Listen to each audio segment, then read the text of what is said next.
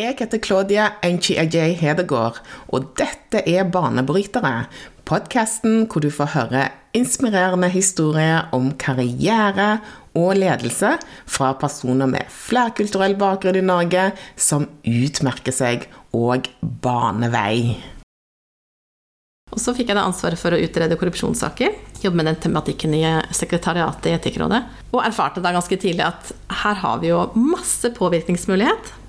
Jeg husker jo et eksempel hvor vi var, i, var i dialog med et selskap som vi tenkte at dette selskapet burde ikke være i fondet. Et av de største selskapene i verden, rett og slett. Mm. Fordi de driver med korrupsjon, eller risikoen er der for at de driver med korrupsjon.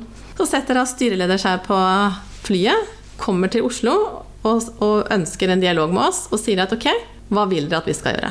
Mm. Vi ønsker ikke at oljefondet skal trekke seg ut. Hva vil dere at vi skal gjøre? Og da tenkte jeg at vet du hva, nå, nå begynner den morsomme reisen, ja. tenkte jeg.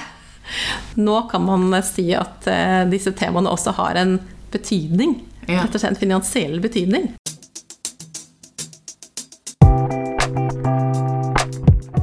Dagens gjest, Ermila Mysen, har en utrolig spennende og utradisjonell yrkesretning. Hun er en ekspert på menneskerettigheter, antikorrupsjon og forretningsetikk, og brenner for ærlig forretning i norske bedrifter. Hun er partner og medgrunner av selskapet Via Consulting og er en av Norges fremste innen praktisk forebygging av økonomisk kriminalitet og brudd på menneskerettigheter. Hun er jurist og tidligere advokat, og har hatt eh, noen prestisjetunge posisjoner opp gjennom, f.eks. som dommerfullmektig og rådgiver til hovedstyret i Norges pensjonsfond utland, altså oljefondet. Hun har flere års erfaring med å bistå toppledere i selskaper som Statkraft og Aker Energy med å håndtere risiko for korrupsjon og menneskerettighetsbrudd. Hun har hatt internship ved FNs krigsforbryterdomstol og den norske ambassaden i Haag, og er utdannet jurist ved Universitetet i Oslo og har en master i internasjonal strafferett.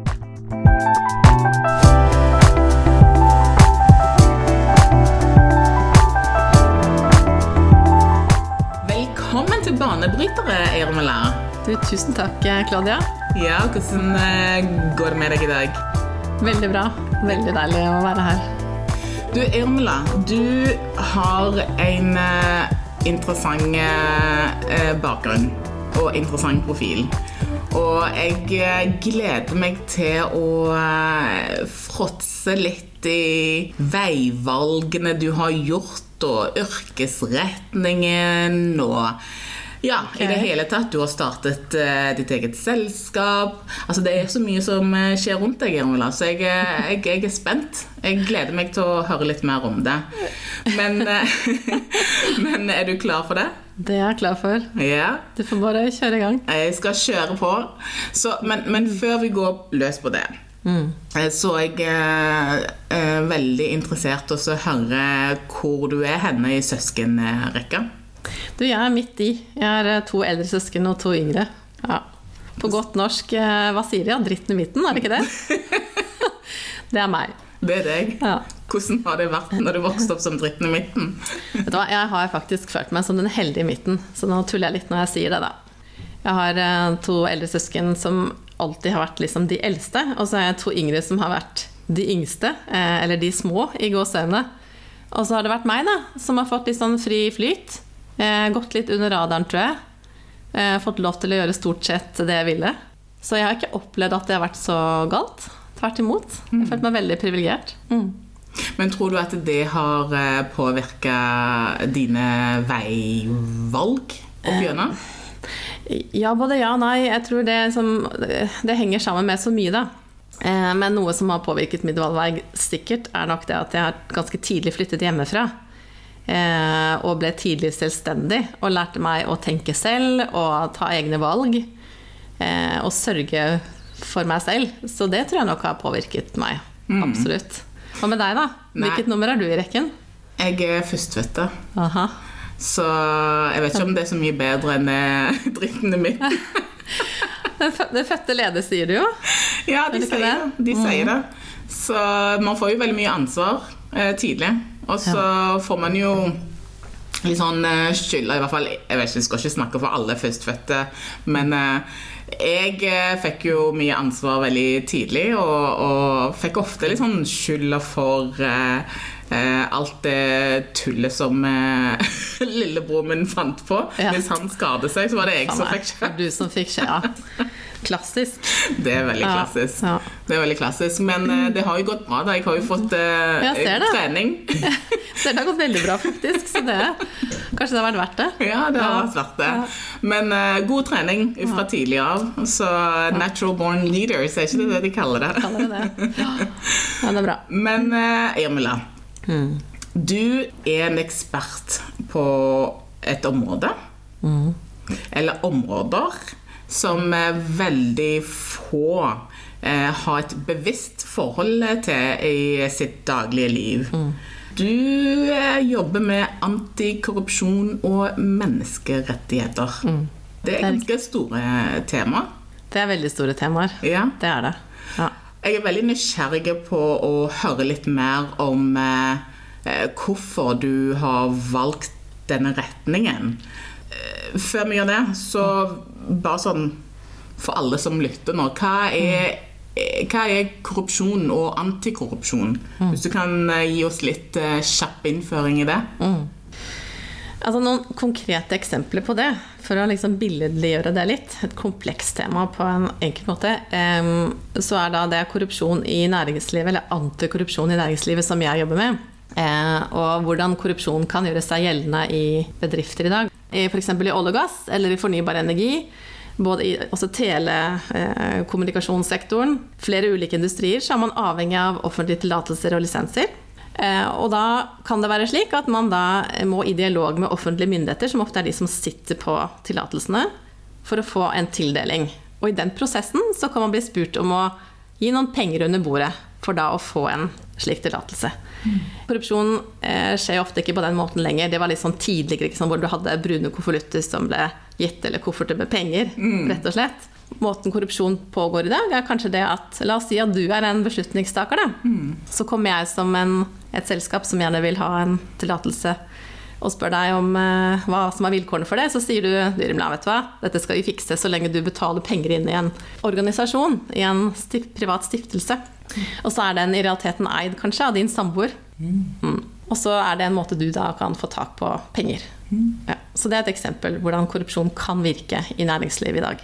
Jeg kan ta et eksempel på menneskerettigheter. Mm. Ja, for det er noe som kommer mer og mer eh, opp i liksom, Det er et veldig dagsaktuelt tema.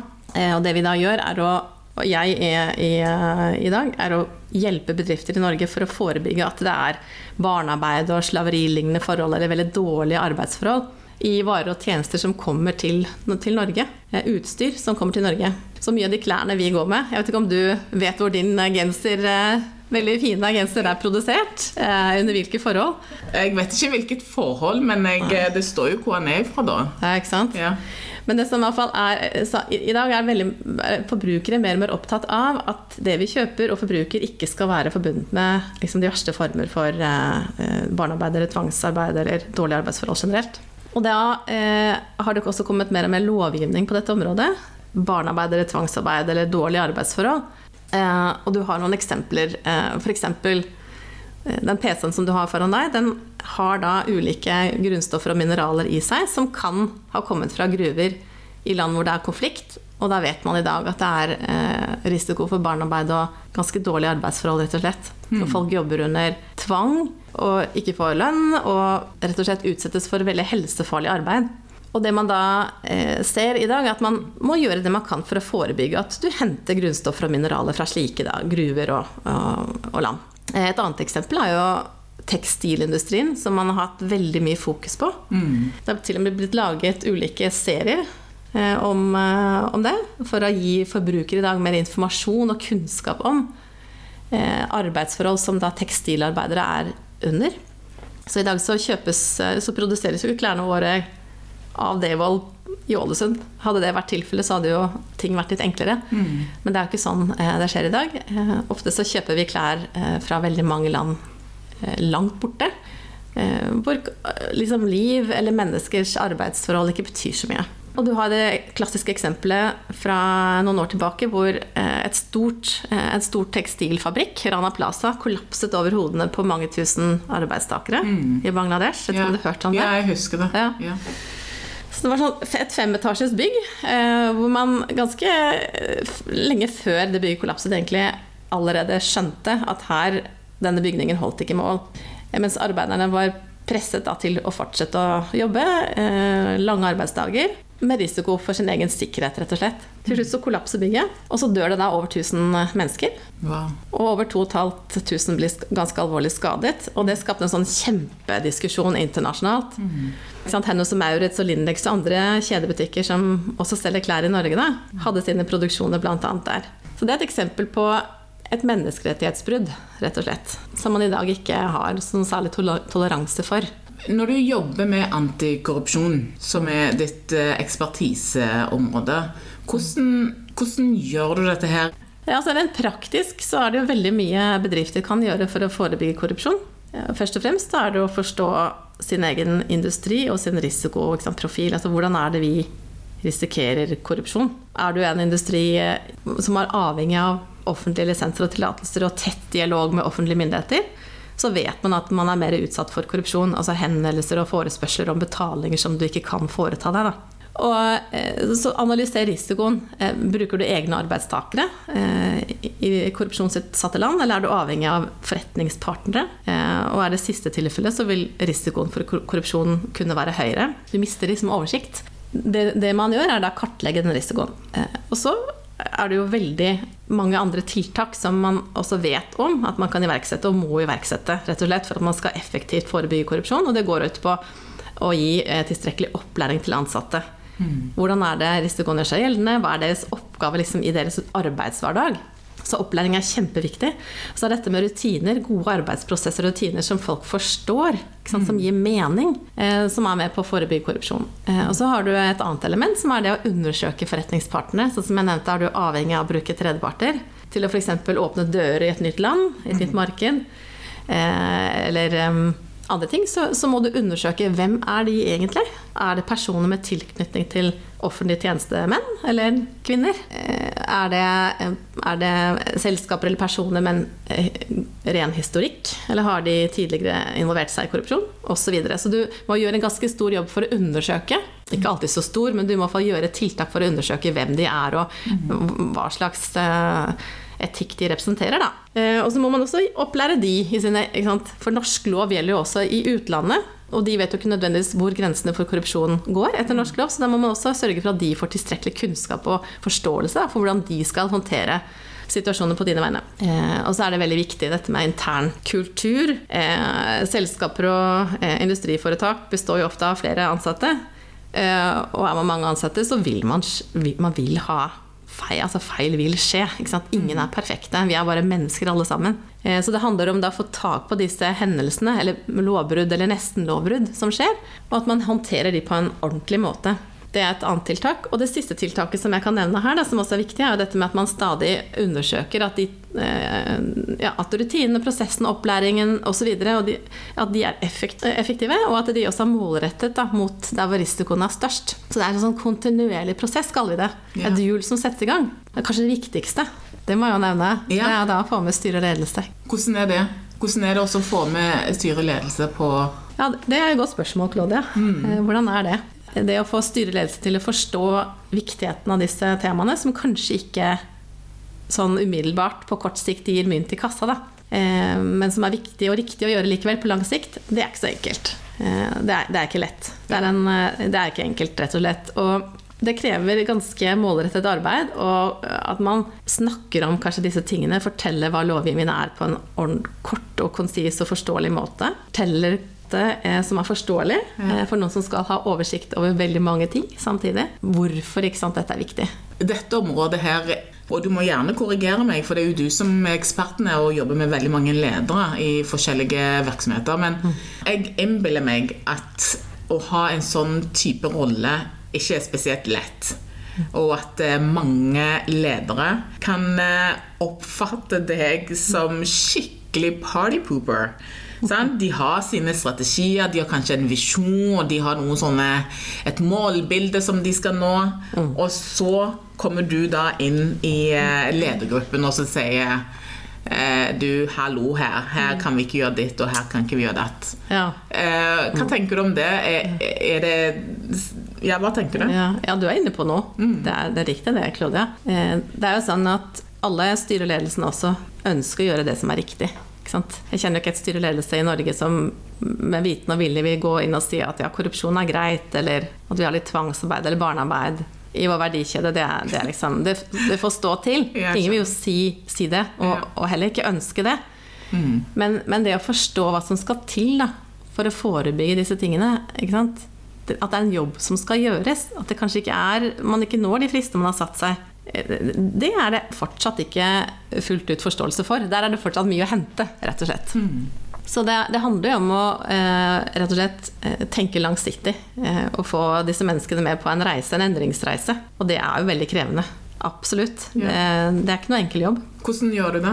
Et eksempel. eh, Et prosjekt man er interessert i å kjøpe, for det kan skape god inntjening. Så gjør du da den bakgrunnsundersøkelsen som jeg snakket om tidligere. Sjekker ut hvordan det prosjektet har kommet til. Eh, For korrupsjon kan man jo faktisk arve, i gåseøynene. Mm. Som passer på at eh, eh, man gjør de undersøkelsene man skal, da, for å sikre at det ikke er korrupsjon eh, i det man skal kjøpe. Og så finner man kanskje tegn på at her har det vært korrupsjon, og så er det noe man må bringe på bordet eh, for å få den, det oppkjøpet stoppet. Det er en reell situasjon jeg har vært, vært med på. Så har jeg også vært med på å gjøre en undersøkelse av en leverandør som skulle produsere helt sentralt utstyr til et vindkraft- eller solkraftprosjekt. Hvor man da finner ut at her kan det være tvangsarbeid i leverandørkjeden. Og så må da det opp på bordet til ledelsen, ikke sant? For dette er jo veldig viktige og veldig alvorlige hendelser. Både korrupsjon og tvangsarbeid. Det er det jo ingen som kan akseptere i dag. Så det må diskuteres, og da må da risikoeierne, som ofte er styreledelsen, vite om det og beslutte skal, skal ikke. Så det er to helt konkrete eksempler som jeg har vært med på selv. Som er i den kategorien hvor du kanskje er litt sånn, må trekke i snora, da. Eller i hvert fall si ifra om at her er det noen alvorlige potensielle hendelser som vi vil være en del av. Og så må man bringe det på bordet for å få eh, risikoeiere til å ta beslutning om at er dette ønskelig eller er det ikke, og hva, hvis ikke, så hva gjør man da? Får du alltid gjennomslag når du kommer med eh, dine anbefalinger om eh, hva som eh, bør gjøres? Jeg tror det er som for enhver annen at det, det gjør man ikke. Ja. Det gjør man ikke. Og en som er ansvarlig for både antikorrupsjon sant, og menneskerettigheter og arbeidstakerforhold i en bedrift, vil jo nødvendigvis ikke være beslutningstaker. Ikke? Det er veldig viktig at man passer på at det er ikke du som tar beslutningen, men du bringer frem risikoen på bordet og får de rette menneskene til å diskutere og ta beslutning. Eh, Så det er jo på en måte ikke egentlig jeg som det er ikke jeg som skal få rett, jeg bare legger noe på bordet til de som skal ta beslutning. Så sånn sett så prøver jeg å tenke at det er ikke noe jeg taper på eller vinner på på kort sikt. Samtidig så legger jeg jo enormt mye energi. Disse temaene betyr jo enormt mye for meg. Jeg jobber jo med den problemstillingen her fordi at jeg er interessert og tenker at det er viktig. Og det å oppleve at andre ikke tar disse tingene på samme alvor eh, som man selv gjør, det har jeg opplevd. Absolutt. Mm. Hva er det det gjør med deg når du eh, kommer i sånne situasjoner? Nei, hva gjør det med meg? Ja. Jeg blir jo veldig demotivert noen ganger. Det er klart man blir det. Jeg, jeg blir det. Um, og tenker at uh, hvorfor i all verden har jeg valgt dette som fagområde og yrkeskarriere? ikke sant? Hva, jeg kunne hatt et enklere liv hadde jeg bare tatt noen andre valg, tenker jeg noen ganger. Rett og slett. Uh, man blir, jeg kan bli demotivert. Ja. Uh, og tenke at her er det så mange muligheter. Ikke sant? Her er det ikke så innmari mye som skal til. Det vil kanskje koste litt penger på kort sikt. Eh, Men tenk så flott det kunne være å være med og sette en standard, eller si ifra at eh, arbeidstakervilkår er faktisk viktig. Vi skal betale arbeidstakerne våre ordentlig. Også de som er lenger nede i leverandørkjeden vår. Ja. Selv om vi betaler mer penger eh, for den varen eller tjenesten. Så det er det motiverende. Samtidig tenker jeg at man kan ikke tenke kortsiktig. Mm. Og ikke ta ting personlig. Og da må man snu det litt. ikke sant? Tenke at vet du hva, kanskje det går i morgen. Eller neste uke. Eller neste år. Men apropos valg. Hvorfor valgte du denne yrkesretningen? Ja, åh, det er et godt spørsmål um, som jeg har tenkt en god del på. Hvorfor? Det har jo en viss historikk, rett og slett. Det har en sammenheng med hvem jeg er oppdratt av, faktisk. Det går så langt tilbake som det. Uh, Min mor. Um, Skal jeg fortelle litt om henne? Ja, gjerne. Ja. Du, min mor hun er eh, født og oppvokst i det tidligere Øst-Tyskland, eh, som vi kalte det i Norge, altså DDR. Og der var det jo sånn at det var et kommunistisk styrt, eh, en kommunistisk styrt del av Tyskland. Og der var det jo ikke eh, lov til å tenke fritt og ha liksom, frie meninger og, og, og eh, det yrke, altså yrkesutøvelsen var også begrenset, skolegang osv. var veldig sånn mm, ja, rett og slett eh, restringert. Så min bestemor og bestefar de skjønte tidlig at dette er ikke noe fremtid for oss. Og det er ikke noe vi ønsker. Vi ønsker ikke at barna våre skal bli oppdratt og leve i et sånt type eh, regime. Så når min mor var tolv år gammel, så bestemte de seg for å flytte, flytte til Vest-Tyskland. Og den gang så var jo ikke det det enkleste, for det var, var en eh, bevoktet grense mellom Øst-Tyskland og, og, vest. Eh, av militæret. Det ble etter hvert også bygd en mur. Eh, men moren min flyktet over da til eh, Vest-Tyskland før den muren kom. Eh, det de gjorde, var å komme seg til grensen Eh, og skulle til å krysse grensen. Eh, ble da oppdaget av militært personell, og eh, min bestefar ble da skutt. Ja, og det som da skjer, er at eh, moren min og hennes søsken og, og, hennes mamma var da på vei sant, løp det siste stykket over grensen. Min mamma snur når hun da ser at hennes pappa blir skutt, løper mm. tilbake til han, eh, og så dør han da i hennes armer. Mm. Og da sier han til henne at du, eh, du må passe på, du er en sterk jente, du må passe på at du lever et godt liv og det vil du få til. Wow. Ja, og det er en sånn historie som jeg tenker mye på at nok har vært litt med på å forme liksom, hva jeg prioriterer å bruke livet mitt på. Da. For det min mamma da har gjort, er å indoktrinere oss med at man skal ikke ta eh, ting for gitt. Hun flyttet da etter hvert fra Tyskland eh, med oss til Norge, altså mine søsken og meg. Eh, et fritt, demokratisk land hvor alle får lov til å ta utdanning, altså gå på skole, ta utdanning. Du har fri helsehjelp, eh, egentlig, i prinsippet. Eh, og så har hun liksom alltid minnet oss om at eh, ingenting kommer gratis. Mm. Og vi hadde jo ikke veldig mye penger da jeg var liten, for hun var da ansvarlig for oss alene.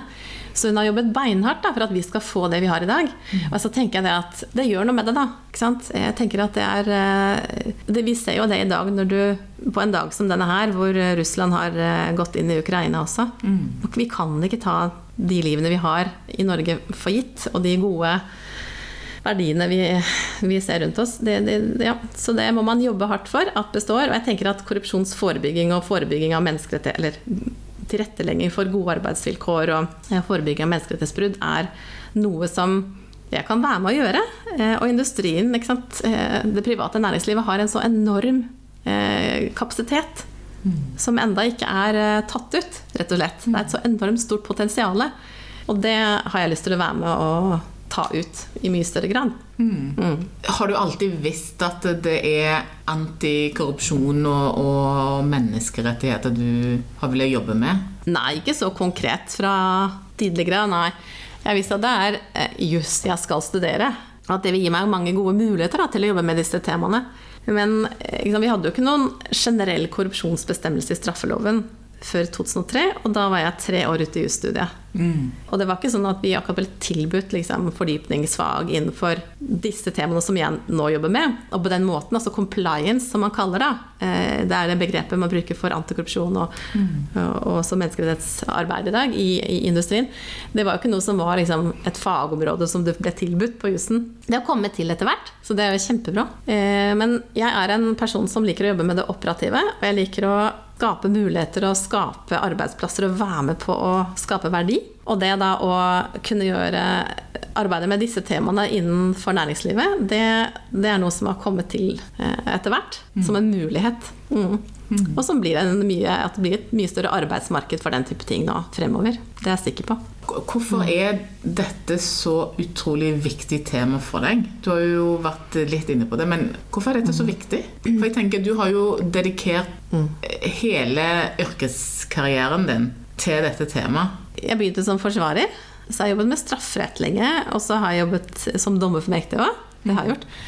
Um, men jeg, jeg, følte tidlig som at jeg kom inn ofte da, når hendelser allerede hadde skjedd. Var noen som kanskje allerede hadde gjort en handling, en voldshandling eller hva enn det er. da, Stjålet noe eller så, så, erfarte jeg ganske tidlig som at jeg har lyst til å jobbe med det forebyggende. Jeg har ikke lyst til å komme inn når ting allerede har skjedd. Og det jeg gjorde da, var å velge å gå inn i Etikkrådet. For jeg tenker at Etikkrådet, som da er et rådgivende organ til eh, eh, oljefondet, rett og slett, eller hovedstyret i Norges Bank, som igjen styrer oljefondet, hvor dine og mine oljepenger er plassert, rett og slett. Jeg har lyst til å jobbe forebyggende på en sånn måte at eh, det er jo sånn i dag at money talks, rett og slett. Så å sette en standard som investor, sette krav som investor i de 9000 selskapene eh, hvor oljefondet er plassert, det hadde vært eh, veldig, veldig veldig givende, tenkte jeg den gang. Og så fikk jeg da ansvaret for å utrede korrupsjonssaker. Jobbe med den tematikken i sekretariatet i Etikkrådet. Og erfarte da ganske tidlig at her har vi jo masse påvirkningsmulighet. Jeg husker jo et eksempel hvor vi var og vi var i dialog med et selskap som vi tenkte at dette selskapet burde ikke være i fondet. Et av de største selskapene i verden, rett og slett. Mm. Fordi de driver med korrupsjon, eller risikoen er der for at de driver med korrupsjon. Så setter da styreleder seg på flyet, kommer til Oslo og, og, ønsker en dialog med oss og sier at ok, hva vil dere at vi skal gjøre? Mm. Vi ønsker ikke at oljefondet skal trekke seg ut. Hva vil dere at vi skal gjøre? Og da tenkte jeg at vet du hva, nå, nå begynner den morsomme reisen, ja. tenkte jeg. Nå kan man si at eh, disse temaene også har en betydning. Ja. Rett og slett finansiell betydning. Og da fikk jeg jo blod på tann. ikke sant? Og etter fem år i Etikkrådet med liksom, utredning av disse sakene og dialog med selskaper om hva de bør og ikke bør um, gjøre det var, ikke, det var, ikke, sånn at vi gjorde noen rådgivere til dem akkurat. Vi drev ikke konsulentvirksomhet, men de, vi satte jo en standard mellom, gjennom den måten, altså dialogen vi hadde og, og, og um, utredningen vi skrev, om hva det var vi var vi ute etter hva vi forventet av dem rent eh, konkret når det gjaldt å, å forebygge korrupsjon. Så det jeg da gjorde, var å gå inn i industrien selv. For jeg tenkte at dette her må jeg kjenne på kroppen. Altså hvordan er det å ha en sånn rolle? Hva, hvordan er det å ha ansvar for dette arbeidet? Eh, både korrupsjon og menneskerettigheter. Eh, hva, får du, hva får du til? Hva er det som rent praktisk mulig å få til? Um, og da gikk jeg inn i eh, to selskaper. I siste selskap hvor jeg hadde da eh, hovedansvaret for dette. For å erfare det selv. Mm. Ja praktiske operative arbeidet. Liksom, brette opp ermene, tenke nytt, være med å bygge strategi. Være med å sette en kultur, være med å gi ansatte opplæring. Skape liksom, en bedrift som ønsket å gjøre ting på en ærlig og ordentlig måte. Er du stolt av det du har fått til eh, så langt gjennom eh, det løpet ditt? ja, altså, jeg, jeg, jeg, er jo det. Skal vi si, jeg er jo absolutt det, på veldig mange måter. Fordi eh, ingenting av dette har vært enkelt. Jeg har kjent veldig mye på liksom oppoverbakkegangen, og, og det noe, har gjort noe med meg. Da, samtidig som jeg tenker at det, sant, bare det å få lov til å være med i Etikkrådets arbeid og sette krav til de selskapene som oljefondet er investert i, eh, det å få lov til å få ansvar for et sånt fagområde i en, eh, i en norsk bedrift etter hvert, eh, det å få lov til å nå gjøre det jeg gjør, og etablere et foretak helt fra scratch, det er jo stor, det er et stort privilegium. Mm. Og det er jeg jo stolt av. Det må jeg si. Hva er det som har vært vanskelig underveis? Det som har vært vanskelig underveis, er å um, få med, så, eh, få med styre og ledelse. Som da er de som eh, setter agendaen for hva ansatte bruker tiden sin på. For det er jo enormt viktig. Som vi snakket om i stad, det forebyggende arbeidet. Vi mennesker er jo bare mennesker. Vi vil jo alltid strekke oss mot de målene som vi blir satt eh, av våre ledere. Mm. Så enkelt er det. Og få, få overbevist dem om at dette er et viktig tema, selv om det ikke liksom gir ja, økonomisk gevinst på kort sikt. Det har vært veldig vanskelig. Hvordan har du håndtert det? Jeg har håndtert det på Prøvd liksom ulike innganger inn, da. Jeg vet ikke hvordan det er med deg, ja, når du ja. føler at du står litt fast eh, med noe du gjør. Eh, ja. Um, man prøver ulike innganger inn. Og det første man kanskje prøver, er å, å liksom gå i seg selv og tenke hva er det jeg ikke har vært tydelig nok på nå? ikke sant? Det er liksom selvransakelse. Så etter hvert så skjønner man at det er kanskje ikke bare der det ligger. At dette handler om endringsledelse. Det handler om å rett og slett vise da, styret og ledelsen hva dette betyr i praksis. For det har ikke de jobbet med nødvendigvis. ikke sant? Og de har travle arbeidshverdager, og nå kommer det jo under dette med antikorrupsjon og menneskerettigheter og eh, i den større ESG eh, ja, under den større ESG-paraplyen så kommer det enormt mange krav på løpende bånd. Og det jo, går så enormt stor fart nå. De siste fem årene har det skjedd så enormt mye. Så jeg, har også liksom fått mer og mer forståelse da, for deres arbeidshverdag og tenkt at okay, dette her kan jo ikke være enkelt. Um, å sette seg inn i og få overblikk over og ja, ta så raskt. Jeg har jobbet med de temaene i veldig mange år, mm. og det har jo ikke nødvendigvis de.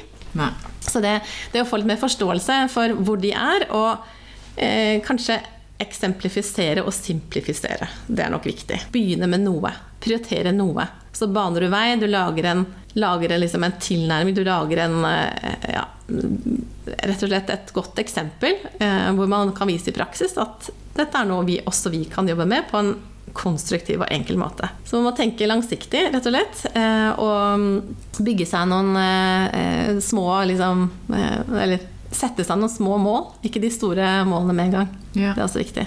Må jo, jeg må jo gratulere deg. Du har jo startet din egen virksomhet. Ja. ja. ja det er jo ikke bare jeg, da. Det er, ja. Nei, det, er, det har jeg gjort. Sammen med tre, nei, to andre. Jeg har alltid tenkt at jeg, er, jeg har lyst til å starte mitt eget. Eh, og etter at korona slo til og sant, alt ble stengt ned, eh, det prosjektet jeg jobbet med da i, i Ghana den gang, ble lagt på is, så måtte man bare tenke litt nytt. Eh, og alternativet var da å gå inn i en annen virksomhet eller i et stort etablert advokatfirma eller et stort etablert konsulenthus. Og så vet jeg ikke hva det var, jeg, det. Om jeg bare var liksom litt sånn sliten, på en måte. Ja. Eller, eller liksom eh, Jeg har hatt så mange spennende jobber, så jeg kjente liksom ikke noe sånn Det bare boblet ikke i magen over disse alternative mulighetene. Så tenkte jeg skal jeg bare ta fri et år? Eller skal jeg gjøre noe helt annet? Ikke sant? Nei, det kan jeg jo ikke, tenkte jeg også. Så kom jeg over to personer, Roar og Else, som jeg nå jobber tett sammen med. Eh, som hadde da etablert sitt eget foretak allerede. Og det de eh, ville fokusere på, er nettopp det operative arbeidet. Å være med å hjelpe bedrifter med sin erfaring som advokater og sin erfaring som internt ansatte i finans og andre steder.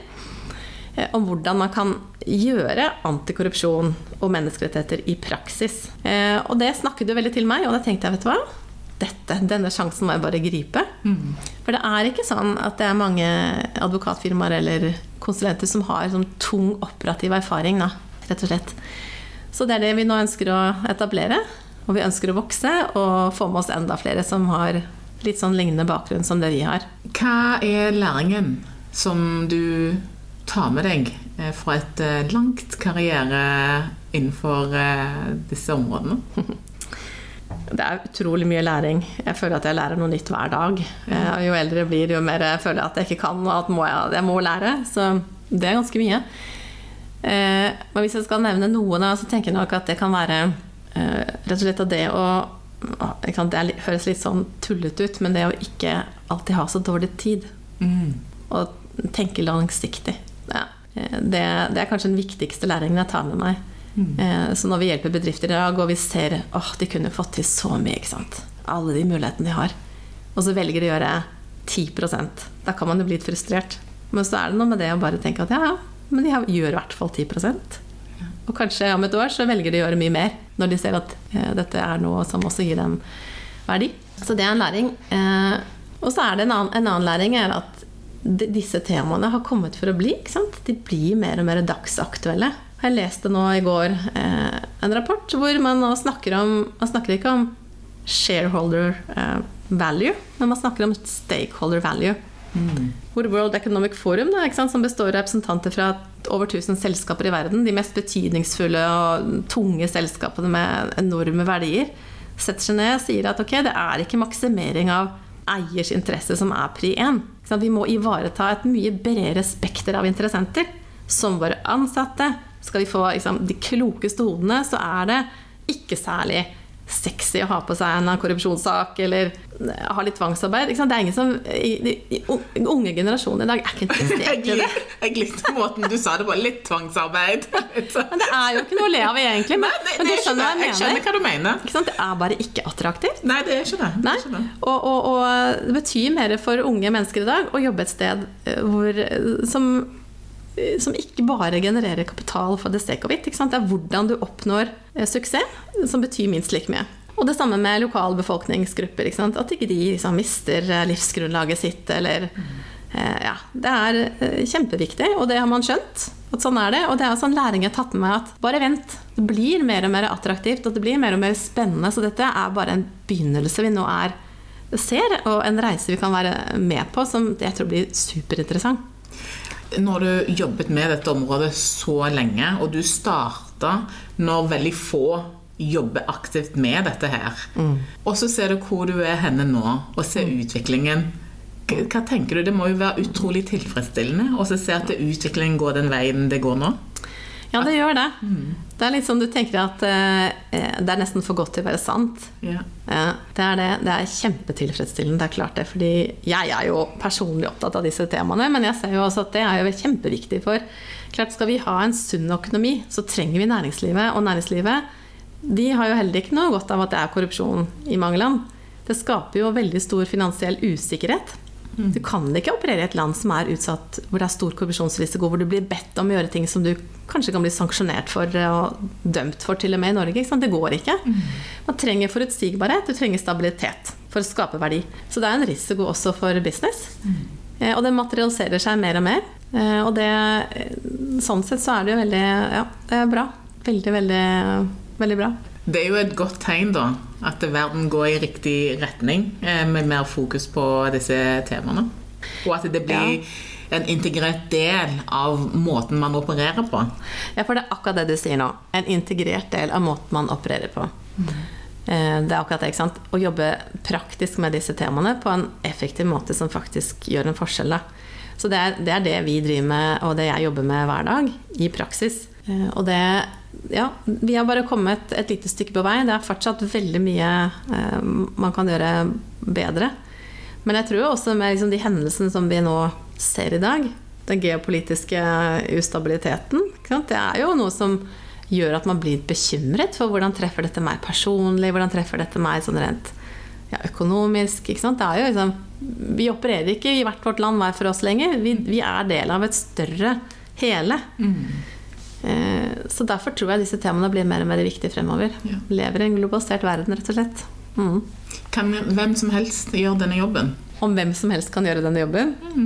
Altså Veldig mange kan gjøre denne jobben, tror jeg. Det tror jeg. Men det som er veldig viktig, eh, er at man for det første kan fagområdet sitt, men for det andre også er i stand til å få med seg eh, folk. Være god med mennesker. Det er veldig viktig. Og så er det det å eh, takle nederlag. Eh, Takle liksom at man ikke kommer veldig raskt i mål. Mm. At man tar disse små skrittene om gangen. Det er det kanskje ikke så Det tar krefter, da. Så det er der Vier kommer inn. Navnet vårt. Ja. Den derre hardføre norske tresorten som ikke gir seg, ikke sant? Som vokser over to, nei, 1000 meter eh, høyde. Mm. Som karrer seg fast. Så du må være en sånn type person som har standing, som er villig til å ja, gi det den tiden det trenger. da. Ja. Tro på det du gjør. Ha stayerevne. Du må ha stayerevne. Absolutt. Det er kjempeviktig. Mm. Hva er det du vil oppnå? Claude, hva jeg vil oppnå? Jeg vil oppnå det at vi eh, kan få enda flere norske bedrifter til å sette en standard innenfor disse temaene. Til å si nei, vi er ikke med på korrupsjon. Det er ikke sånn vi driver business. Eller eh, arbeidsforhold, de skal være bra. Eh, Jeg vil være med på å mm, bygge ut selskapet vi har etablert. Vi er jo ganske nye, så det skal jo vokse og bli større på sikt. Vi skal ikke bli noe stort selskap, men, eh, men flere blir vi. Mm. Ville du, når, når, du, når du ser tilbake nå Ja. Alt det som du har fått til, alt det som du har gjort eh, Du nevnte jo tidligere at eh, av og til så kjenner du litt på motivasjonen. At Mm. fy søren, altså. Hvorfor har jeg gjort livet mitt så vanskelig med å Ja. velge denne, denne yrkesretningen? Men Ja. ville du gjort noe annerledes når du ser Ja. tilbake på alt det som du har fått til? Ja, Det er så vanskelig å si. Det absolutt, helt sikkert. Helt sikkert eh, om jeg ville gjort noe annerledes. For også de feilene jeg har gjort, da, har jeg også gjort at jeg er der hvor jeg er i dag. Hvis du skjønner hva jeg mener? Ja, hva feil da? Men eh, ja, feil. Kanskje at jeg har tatt ting for personlig. At jeg har sett på Når jeg ikke har fått gjennomslag nødvendigvis, at jeg kanskje har vært litt sånn ja, At jeg har latt det gå for mye utover meg selv og tenkt at her er det noe jeg gjør feil, eller jeg ikke har forstått. ikke sant? Det er det jo, kommer man ingen vei med. Det må man liksom bare legge bort. Ja. Så det er kanskje noe jeg ville gjort annerledes. Og prøvd å eh, tenke at vet du hva, dette handler ikke om deg, det handler om at ting tar tid, og alt eh, er en, dette er en prosess. Men ellers så tenker jeg nok at eh, Nei, jeg, jeg, jeg syns jeg har gjort eh, mye gøy. Jeg har fått være med på utrolig mye spennende arbeid. Det har jeg, og det er jeg veldig takknemlig for. Og kjempestolt av, rett og slett. Så nå, når du ser framover, så tenker du nå er det bare å brette opp armene Å, og herregud, endre ja. verden. endre verden, Irvela. Endre verden på den måten man kan. Ikke sant? Gjøre sitt bidrag. Det tenker jeg. Det opplever jeg at eh, jeg må. Jeg, alle har vi et ansvar for det, og jeg må gjøre det jeg kan. Ikke sant? Um, Og så tenker jeg nok at det er eh, Jeg håper at vi kan få med oss flere på den reisen. ikke sant? Brette opp ermene, inspirere andre, vise at dette har en verdi. Det tenker jeg. Ja. Irmila, takk for praten. Tusen takk, Claudia.